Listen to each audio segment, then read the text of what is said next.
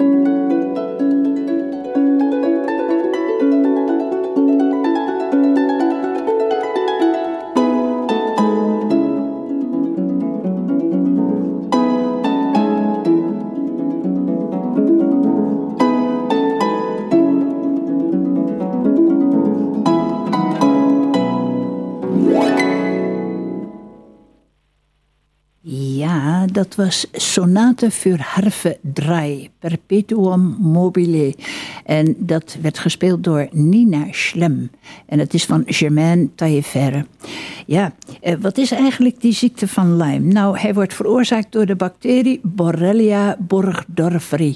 En de ziekte van Lyme kun je via de beet van een besmette teek oplopen. En die teek wordt besmet als hij bloed zuigt bij kleine, nou, knaagdieren of vogels die uh, die bacterie bij zich uh, kunnen dragen. En uh, ja, wanneer een teken later bloed van mensen zuigt, dan kan die bacterie overgedragen worden. Nou, één op de vijf teken draagt die bacterie bij zich, maar hij veroorzaakt heel wat ellende. En uh, luister maar eens naar Leo Springer, voorzitter van de Lyme-vereniging. Waar wij het over gaan hebben, Leo, dat is niet zo uh, liefelijk, hè? Dat gaat over dat enge beestje waar we het net over hadden, over de teek. Vertel eens, uh, jij bent uh, ja, betrokken bij de Nederlandse Vereniging van Lyme-patiënten. Hoe ben je daarmee in aanraking gekomen? Dan moet ik eerst bij vertellen. Ik ben uh, buiten dit om, zit ik mijn leven lang al eigenlijk in de damwereld. En ehm, op een gegeven moment word ik benaderd door een meisje van toen de tijd iets in de twintig. En uh, die wilde graag leren verder komen met dammen. Marloes heette ze, hè? Marloes was dat, ja. En nou ja, die heb ik dan dus uh, uitgenodigd bij me thuis te komen om eens te kijken wat ze ervan kon bakken. Nou, dat is dus erg leuk gegaan. Ze is zelfs op een gegeven moment bij de snelste stijgers landelijk op de lijst gekomen. Mm -hmm. en, uh, maar geleidelijk aan bleek dus dat zij had de ziekte van Lyme. En uh, ja, dat, ik, ik, ik, kende daar wel iets, uh, de naam in elk geval van, maar dat was ook alles. Dat was 2005 ongeveer, hè? om het een beetje in de ja, tijd te plaatsen. 2004. Ja. Ze is uiteindelijk, het is zo hard bergafwaarts gegaan met haar, dat ze in het ziekenhuis terecht kwam. En van dag tot dag erger werd. Werd met allerlei uh, dingen behandeld. Maar er kwam nog een ernstige complicatie bij. De zogenaamde ziekte van Herxheimer-aandoening.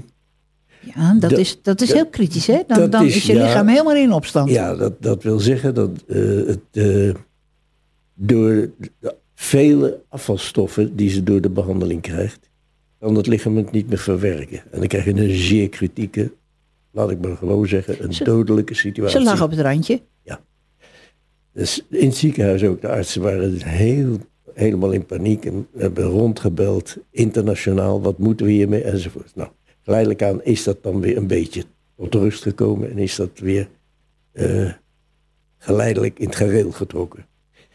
Zij is daarna uit het ziekenhuis teruggekomen, heeft toen een half jaar met een, een, een, een rollator, rollator weer helemaal opnieuw moeten leren lopen. Mm -hmm. Was echt volkomen van de baan. Maar goed, op een gegeven moment wilde zij dus naar een, uh, jaarvergadering van de Vereniging voor Lijnpatiënten. En uh, dat was dan in Utrecht. Ik zei, ja, ik kan jou zo niet laten gaan op de trein of iets. Ik breng je wel. Dus toen ben ik meegegaan. We zijn uh, naar dat hotel daar in Utrecht gegaan. En daar ben ik achter in die zaal gaan zitten. Een beetje kijken wat hier allemaal gebeurde. Nou ja, daar zat van alles. Zat mensen in rolstoelen, mensen met krukken. En fijn. Brakhout. Triest. En uh, ik luisterde die verhalen aan van al die patiënten. En er viel me één ding op. Ieder verhaal eindigde met: Ja, ik weet niet meer waar ik heen moet. De doktoren laten me in de steek. Is veel onbegrip, hè? Heel veel. Dus ja, toen ging ik bij mij. Ik dacht, ja, maar hoe kan dit? Wat is dit? Of die patiënten zijn niet helemaal bij hun verstand. Ja, tussendoor. Of die artsen zijn niet bij hun verstand. Mm -hmm. Maar iets klopt hier niet. Nou, op die manier ben ik me dus er heel diep in gaan verdiepen. Tot ik eigenlijk een beetje het hele verhaal wel kende en wist. En ook een bepaalde oorzaak ervan zag.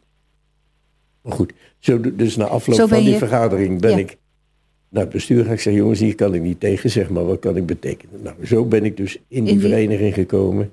Een PR-man geworden voor Nederland enzovoort. Ik geef overal lezingen. En, uh, En nu zit je hier.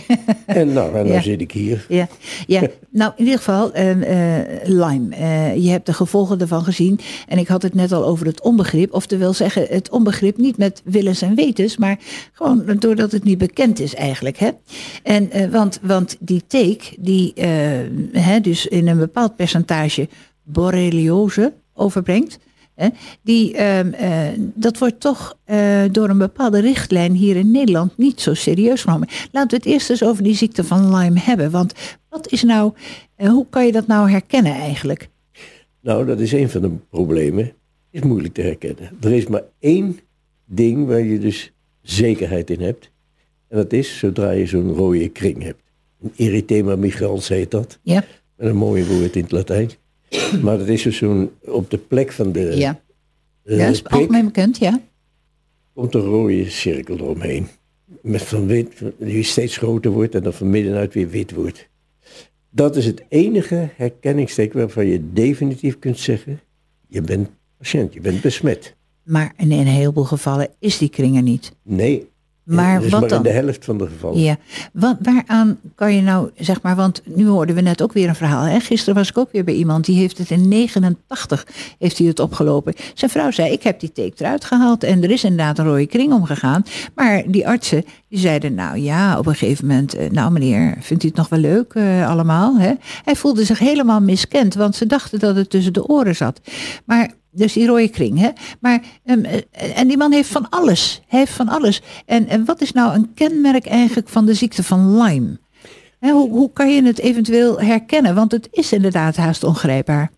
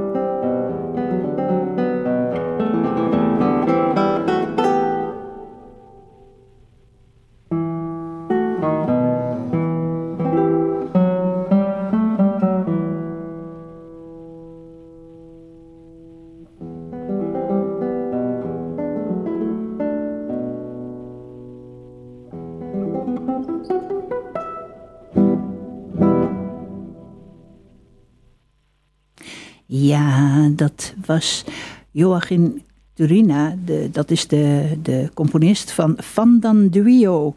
En eh, het werd gespeeld door Pablo Sainz Villegas. Ja, Eh, het is een nummer van eh, dus Turina. En voor de kenners hoort het die thuis in het rijtje Albeniz, Granados, De Falla en Tarrega. Nou, wij gaan verder met de ziekte van Lyme met Leo Springer op AFM bij Altijd Wat te Groen. We hadden het over de kenmerken van Lyme. Waaraan kun je het nou herkennen? Een van de eh, hoofdkenmerken is dat het een verspringend geheel is. Dus eh, laat ik zeggen, vandaag, ik ben een Lyme-patiënt, laten we even vanuit gaan. Vandaag heb ik hoofdpijn. Morgen is het weg, maar dan heb ik ineens spierpijn. Overmorgen is het weg, heb ik gewrichtspijnen. Dan ineens je hart. Hartpijnen, eh, van alles en. Van hersenproblemen, Ja, eh korttermijn geheugen valt weg, eh afijn van alles. ja. En uiteindelijk zelfs mortaal. mortaal. Ja, zeker. Mm, mm. Zeker. Ja, in ieder geval, eh, eh, het zijn verspringende symptomen eigenlijk. Ja. Het is heel raar, je komt met iets bij de dokter en hij geeft je er iets voor, maar, en het is misschien weg even, maar daarna komt het weer. Hè? Het, het is ook iets, zeg maar, eh, een, een, een, het is een bacterie hè, die zich verstopt. Hè? Vertel Ja. eens. Ja. Hoe ziet het eruit? Eh, nou, de bacterie die heeft, is een heel sluw beestje, Eh, die is een oorspronkelijke vorm. Mhm. Dat is een spirogeet. Dus een Spiraalding, ja.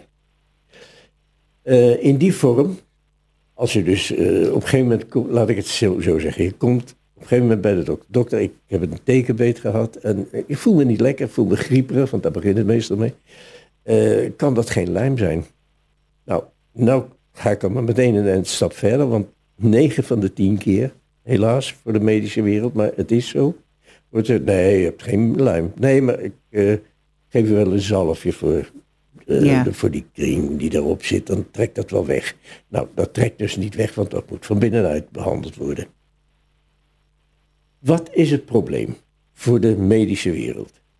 Er is geen medicijn, geen afdoende Medicijn tegen Geen serum, geen vaccin, niets. niets. Dus ja, wat moeten ze daarmee? Met Antibiotica? antibiotica. Maar wat doet antibiotica? Dat heelt niet, dat onderdrukt. Ah. Dus het stelt uit, zeg maar. Mhm. Het, eh, je hoopt dat het verzacht dat uiteindelijk de bacterie het op gaat geven. Doet hij Nou, niet. als je dat geluk hebt, als je er vroegtijdig bij bent, heb je die kans. Zware Maar naarmate het langer duurt, Hm? ja, wordt het een probleem. En wij zeggen dus na een jaar wordt het een chronische lijm. Een chronische en Lyme. dat is zeer lastig nog om daarna te verwerken. Ja. Nou, dat is het probleem naar de medische wereld toe. Dus ze zeggen, ja, dan kan ik wel constateren dat er lijm is, maar wat moet ik daarmee? Nou, dat is het grote probleem. Ja, ja, nou zijn er twee richtlijnen. Hè? Je, je- de antibiotica is in ieder geval sowieso, want er is niet een iets anders tegen. Nee. Ehm, er is een, een, een CBO-richtlijn. Ja. Die wordt hier door de meeste dokters eh, gevolgd. Ja. Maar eh, internationaal is er een andere. En dat heet ja ILATS. Heel in het kort, wat is het verschil? Want we gaan het ook hebben over hoe, hoe je nou zo'n tekenbeet hè, kunt voorkomen. Maar wat is het verschil eigenlijk tussen die twee richtlijnen? Eh, het verschil is heel eenvoudig. Het is hemelsbreed. Hemelsbreed. Eh, eh, u hebt daar voor u liggen een vergelijkend lijstje van de twee richtlijnen. Met Verschillende alle onderdelen. opvattingen over Als u dat nou bekijkt, dan ziet u dat ieder punt tussen die twee richtlijnen lijnrecht tegenover elkaar. Ja, ja, ja. Nou, dat is onvoorstaan, onvoorstelbaar. ja.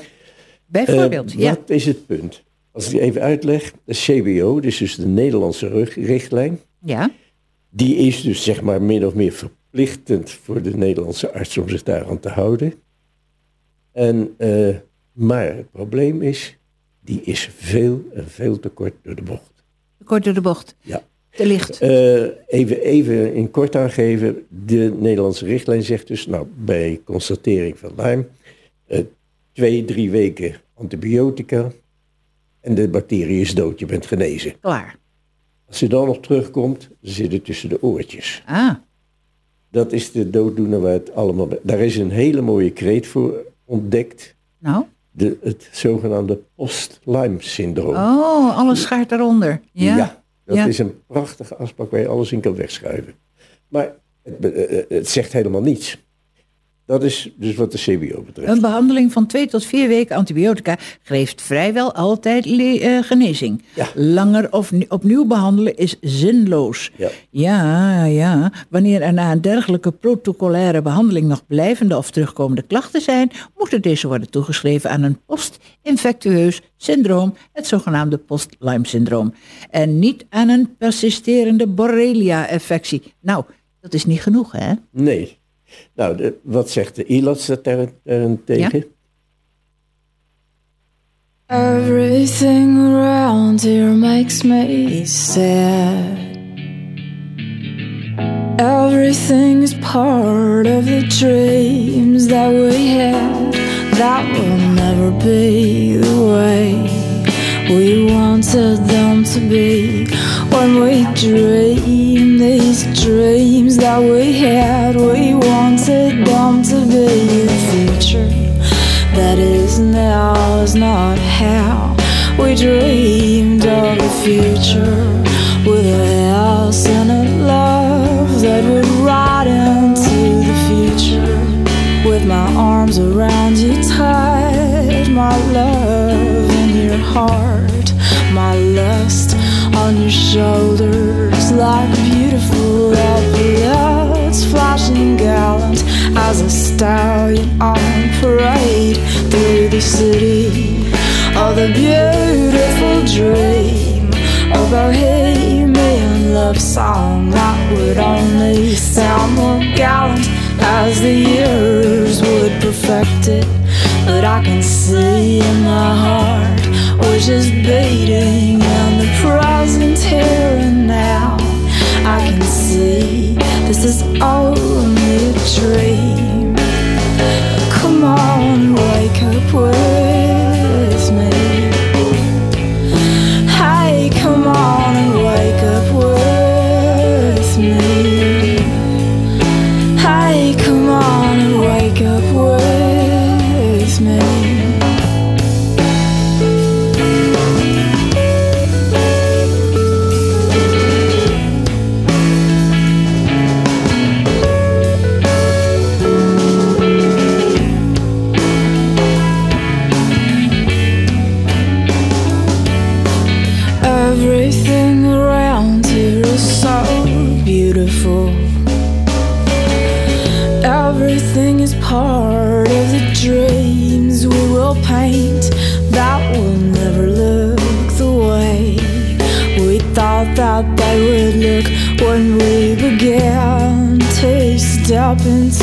Future from the place that we are standing. It don't look too good right now,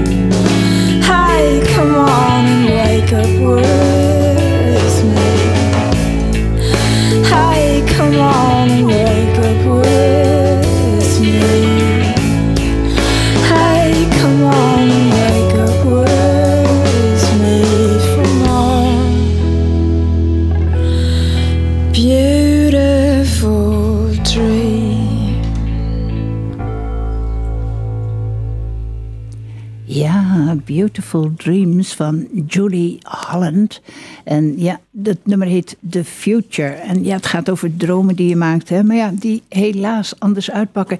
En ja, dat is eigenlijk ook een beetje zo met ons, hè, in de coronatijd. We hebben er allemaal mee te maken op het ogenblik. En je weet niet wat The Future inhoudt. Maar we zijn weer terug bij eh, eh, Altijd Wat te Groen bij AFM. En eh, we luisteren naar het interview met Leo Springer over de ziekte van Lyme. En hij gaat vertellen wat nou ehm, het, het Iliad-protocol om de ziekte van Lyme te bestrijden inhoudt. Dat is ook zo'n groep eh, medici, eh, specialisten die dat heeft opgesteld. In Amerika, al vele jaren eerder daarvoor.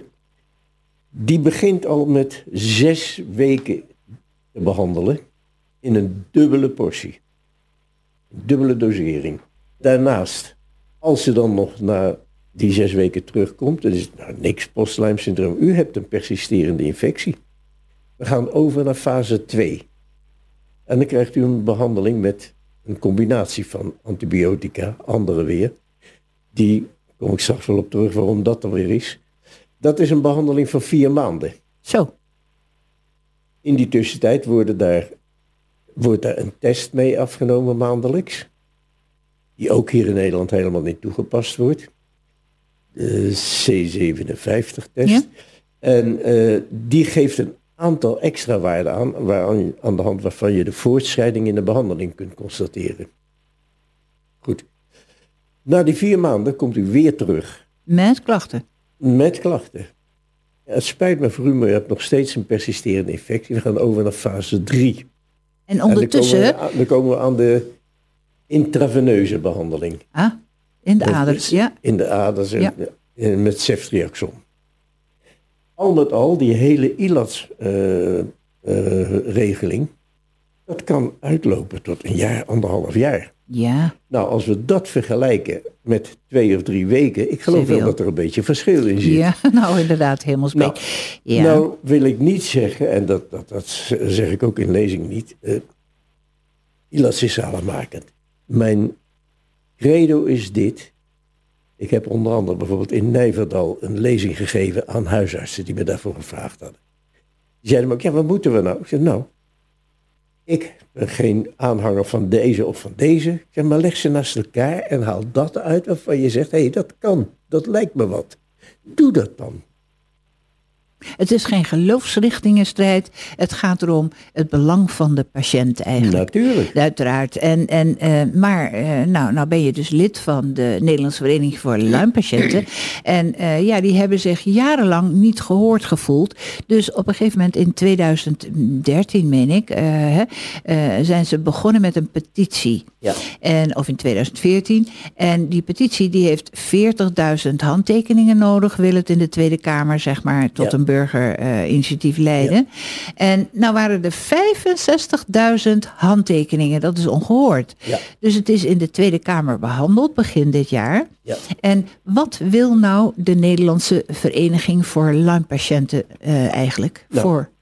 alle punten uit die petitie, die dus integraal overgenomen zijn door de regering, met daarbij zelfs de vermelding van bij elke bespreking moet de lijmvereniging aanwezig zijn, juist om weer allerlei afwijkingen tegen te gaan. Deze petitie is integraal overgenomen. Dat betekent, er gaat een lijmkliniek komen, Een speciale Lyme-kliniek? speciale lijmkliniek. Dat is dus een van onze hoofditems die we altijd eh, nagestreefd hebben. De voorlichting aan, Aan de artsen. medische wereld moet verbeterd worden. De testen die er zijn en die dus allemaal onbetrouwbaar zijn, moeten verbeterd worden. Enzovoort. Zo is er een hele rits van punten die allemaal zijn aangenomen en overgenomen. En dit gaat in werking gesteld worden. Gaat in werking gesteld worden. En daar wordt dus op dit moment al hard aan gewerkt. Daar wordt haar ge- gelukkig maar, zou je zeggen. Want het is werkelijk waar. eh, ik heb er in, in mijn eh, kennissen- en vriendenkring verschillende mensen. En, en, en eentje daarvan hè, liet weten. En zei, nou, eh, als het zo moet, dan hoeft het voor mij niet meer. Nou ja, dat, is, dat zijn ook psychiatrische zeg maar, symptomen zijn er eigenlijk. Hè? En het is gewoon verschrikkelijk. En, en ze voelen zich heel erg miskend. En dat is natuurlijk ook heel erg. Dat Hè? is het hoogste kwalijkheid in, Mm. in, in het verhaal. Ja, ja. Mensen weten niet meer waar ze aan toe zijn. Nee. En, en hoe is het in het buitenland, de behandeling? Want ja, als Eh, je die hier in Nederland. verder. Ja, Die gaat Ja. veel verder. Ja. de- de- het is gek voor woorden, maar er moet een leger aan Lyme-patiënten vlucht naar het buitenland voor behandeling voor de ziekte. ja, Ja. Het is heel triest, maar het is zo. ja, het is zo, ja.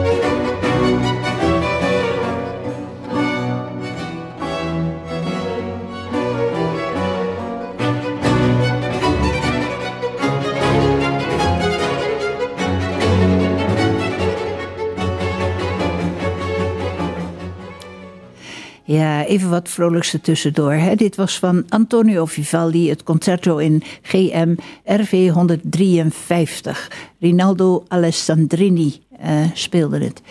Um, eens even kijken hoor, het Concerto Italiano, dat is het orkest en dat Rinaldo was dus een, uh, de dirigent. Um, ja, uh, we gaan luisteren hoe het afliep met Marloes heeft natuurlijk een, uh, een uh, e-mailadres. En eens even kijken hoor. Uh, ik noem er eentje. www.lymevereniging.nl En dat is de officiële site hè, ja. van de Nederlandse Vereniging ja. voor Lyme-patiënten. En daar zou ik zeker, als ik gekke klachten had, eens even mijn licht opsteken. Hè? Ja, zeker. Ja, ja. Hoe is het met Marloes afgelopen eigenlijk? Marloes is weer helemaal springlevend. Is, ja. is gelukkiger dan ooit.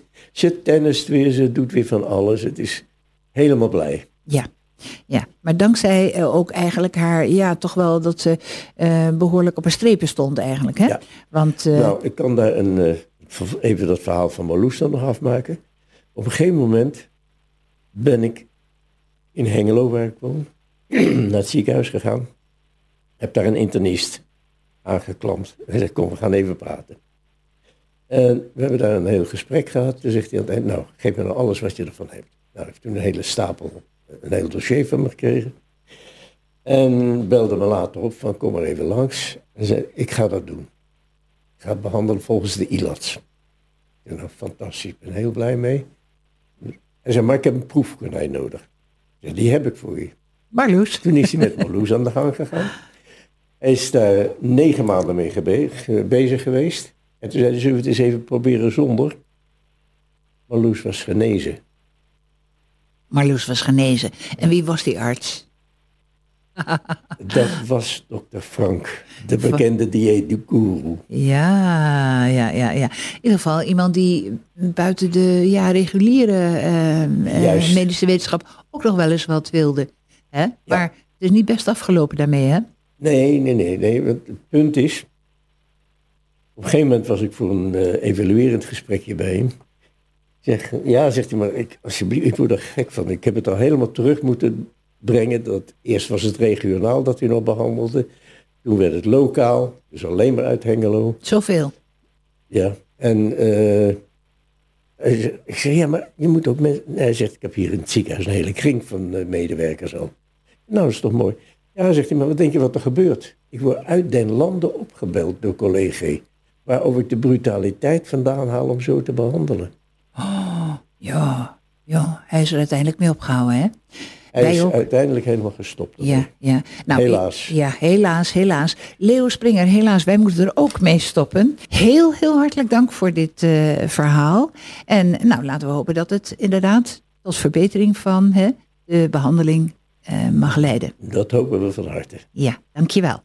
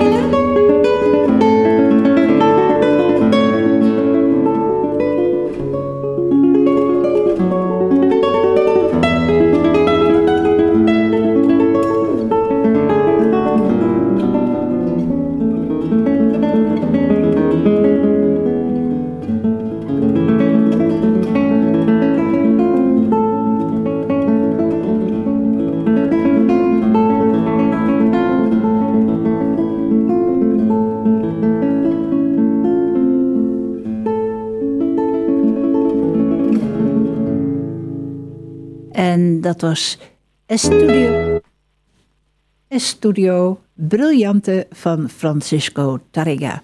En het wordt gespeeld door uh, Fabio Zanon. Uh, wij gaan nu naar iets heel anders luisteren. Wij gaan luisteren naar uh, iets uit de wereld van de jachtopziener van de Graaf van Rechteren. Betty Colford interviewt jachtopziener Katrink. Bij Wim Kuttering, als ik goed heb de naam, hè? Jij bent uh, boswachter in deze, in deze regio, maar niet alleen boswachter, hè? volgens mij. Ja, in, in volksmond wordt het boswachter uh, genoemd, maar uh, het is eigenlijk uh, jachtopzichter. Ja, buitengewoon opsporingsambtenaar. Ja. Dus met opsporingsbevoegdheid. En wat bestaat die bevoegdheid uit? Dat zijn politionele bevoegdheden. Je kunt iemand aanhouden, staan houden, dus een bekeuring uitschrijven. Ja. iemand voorgeleiden, dus ja, politionele bevoegdheden. Maar wat bestaat jouw, uh, jouw werk precies uit voor de luisteraars? Kun je daar een beetje een definitie van geven? En waardoor kom je eigenlijk tot zo'n beroep? Vind ik wel een hele interessante vraag. Ja, dat is voor jullie heel interessant natuurlijk, snap ik. Maar het is eigenlijk bij ons uh, van vader op zoon. Uh, mijn opa was jachtopzichter en mijn vader, mijn opa was vroeger nog rijksveldwachter. dus nou, mijn vader was jachtopzichter, ook op een landgoed. Zo kreeg je het met het paplabel ingegoten. Een broer van mij die is ook in, in hetzelfde beroep. Ja. In Zeeland toevallig? Nee, in Filsteren. In Filsteren? Ja, okay. in Filsteren. Ja. ja. ook al uh, jaren. En uh, ja, goed, als het goed is dan uh, mijn oudste zoon die gaat het zo meteen ook voortzetten. Dat is toch mooi, hè, van vader op zoon, hele generaties. Ja. Het is, Even... als een, het is eigenlijk hetzelfde als een, als een boerenbedrijf, die ook van opa of vader op zoon ja. doorgaat. Ja. Dus, Hoe ziet jouw dag eruit? Ja, hoe ziet mijn dag eruit? Dat is, dat is heel verschillend. Kijk, uh, ik ben bezig met, uh, ja, met de opsporing natuurlijk, maar uh, ook met, de, met het wildbeheer. Kijk, we hebben hier een, een hele mooie en goede, goede wildstand. Zowel klein wild, zoals hazen, konijnen, verzandwijnders, maar ook ontzettend veel reewild. daar zitten eigenlijk op het hele landgoed, dat is dan aan deze kant van de, van de stad zo'n duizend hectare. En uh, totaal rond Almelo is het uh, denk ik wel 12, 1300 hectare. Maar in ieder geval, der, of, uh, aan deze kant ligt er zo'n beetje 1000 hectare. Nou, en daar hebben we dus ook het reewildbeheer op. want die populatie die bestaat uit ongeveer 100 stuks reewild. En daar moet je dus ook in gaan reguleren. Ja. je moet daar een, een, een, balans in, in, in hebben. Dus je moet af en toe wel afschieten? Ja, we moeten zeker wat afschieten. We hebben ieder jaar door een, eh, een telling, drie keer over een telling. Er zijn twee morgens en een avond. Na elkaar, dus een vrijdag, zaterdag. Dan worden dus door, op de hele WBE, zoals dat noemen, de, hele wildbeheerseenheid. Dat is hier 6000 hectare. En daar worden dus alle reeën geteld. Door groepen, jagers, maar ook met onafhankelijke tellers. Ja. Maar hoe, hoe tel je ze? Want dat lijkt me best moeilijk. Nee, op zich is dat niet moeilijk. Daar hebben we hele goede afspraken over. We hebben hier, uh, zeg maar, uh, uh, binnen dat hele telgebied heb je kaarten met gebieden waar nou, afgebakend wordt. Dat is, zeg maar, gebied 1, daar, dat, dat tel ik. En gebied 2, dat telt de buurman. En gebied 3, en zo. En dat sluit allemaal aan elkaar. Ja, maar blijft dat, blijven die reeën in een bepaald gebied? Nee, nee, nee. Daarom, die telformulieren wat we erbij hebben, daar staat dus heel duidelijk op waar je de reeën gezien hebt. Wat het is, dus een geit, een bok, eh, een bokkalf, geitkalf. En de tijd. Ja. Dus als ik daar langskom om 7 uur s morgens en de reeën staan links van de weg op de grens. Tien minuten later komt de buurman langs en die zit ook die vier reeën aan de rechterkant. Dat zijn dat dezelfde. Dus die dubbeltellingen kun je dan ook heel makkelijk daar weghalen. Kom ik de andere morgen er langs en ik zie daar ineens op diezelfde plek zes reeën. Waarvan vier dezelfde zijn van gisteravond en twee verschillende. Dan tel je die twee erbij. En dan krijg je gewoon een heel goed beeld maar eigenlijk alle reeën tel je uh, nooit. Dus we hebben dan zo'n zo'n rond de 100 stuks, tussen de 80 en 100 stuks. Maar het kunnen ook net zo goed 110 zijn. Ja, het blijft altijd een schatting natuurlijk. maar we hebben een heel goed beeld van, uh, van, van het aantal wat, wat hier dan zit. En voor mezelf, kijk, ik ben hier alle dagen. Uh, ik weet precies waar de reeën lopen en ik weet precies ja, hoeveel er zijn. Ja. Dus je zet je nooit echt ver naast. Nee. Dat kan niet.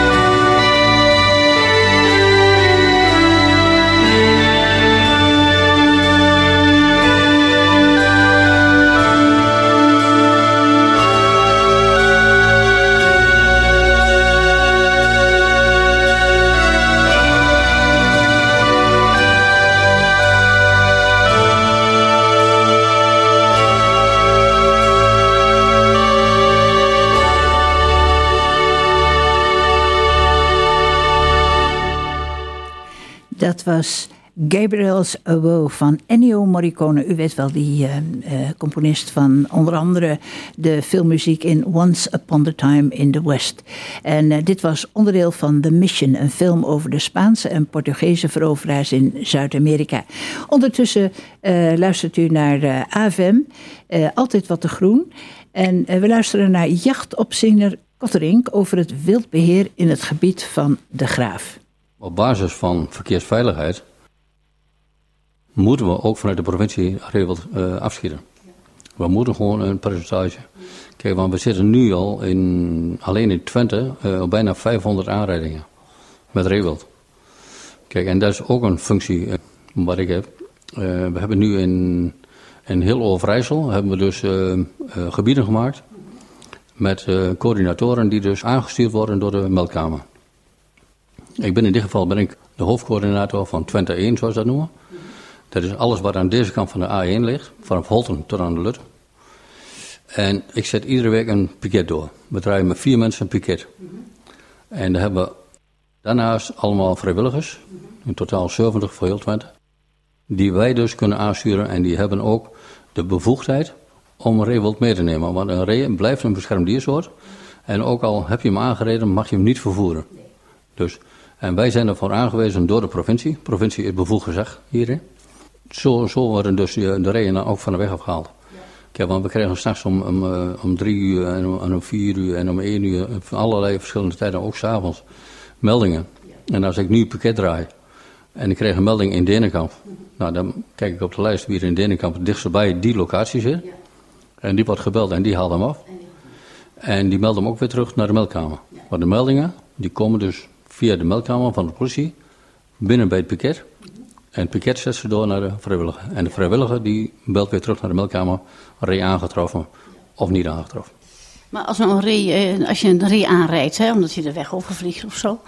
Uh, en je hebt schade aan je auto, uh, wie is daarvoor verantwoordelijk? Ja, dan ben je zelf verantwoordelijk. Een ree, dat is uh, res nullius, zoals we dat noemen. Behoort eigenlijk tot niemand. Alleen, je mag hem niet vervoeren als je daar niet uh, bevoegd voor bent. Kijk, als jager heb je dus ontheffing van de provincie ook om reewil te beheren, dus af te schieten. Uh, maar als stroper mag dat dus niet. Nee. En als je hem voor de auto krijgt, dan, ben je, uh, ja, dan is het de eigen verzekering. Ja. Kijk, en uh, als je al direct verzekerd bent, ja goed, dan kun je nog iets van, de, van de verzekering krijgen natuurlijk. Maar als je gewoon VA verzekerd bent, dan heb je gewoon helemaal niks. Ja. En ik heb eigen auto's van de weg afgehaald die tot los zijn. Moet er even niet aan denken. Nog even over dat afschieten. Hè? Wat, wat schieten jullie dan voornamelijk af? De reeën of de bokken? Allebei. Allebei. Kijk, uh, dat is ook door de provincie vast, uh, vastgezet of vastgelegd. De uh, vrolijke rebeldjacht, dat begint op 1 januari mm -hmm. tot en met 31 maart. Plus, dus er zijn de geiten, geitkalveren, maar ook de bokkalveren. En het is ook nu aanbevolen om wat extra bokkalveren te schieten in die periode. Mm -hmm. Want dat zijn de reeën die dus het eerst onder auto klappen. In het voorjaar. Nou, maar die, die geitenjacht dus, de vrolijke, dat is vanaf 1 januari tot 31 uh, maart. Mm -hmm. En vanaf 1 april tot, dat is nu volgend jaar tot 1 oktober, is de bokkenjacht. Okay. Ja. En in die periode moet je eigenlijk, ook vanuit de provincie, daar 60%, of nee, nu al 80% van je afschot binnen hebben. Mm -hmm. Omdat er veel te veel aanrijdingen zijn. Ja. Er worden gemiddeld in Overijssel 1100 reeën doodgereden. Is nogal wat, hè? is Ja, als je daar niks aan doet, wordt het alleen maar meer. Dus de verkeersveiligheid komt in, in geding. Maar het is altijd nog materiële schade. Gelukkig wat ik mee heb gemaakt. Maar vraag morgen, hij dus een keer een klapper met een, eh, met een dodelijk ongeval. Kijk, en we adviseren ook met, uh, naar de jagers toe, die dus regel beheren, om zoveel mogelijk langs de hotspots, zoals we dat noemen, dus plekken waar dus regelmatig uh, regel worden aangereden, om daar zoveel mogelijk toch je afschot uh, te realiseren.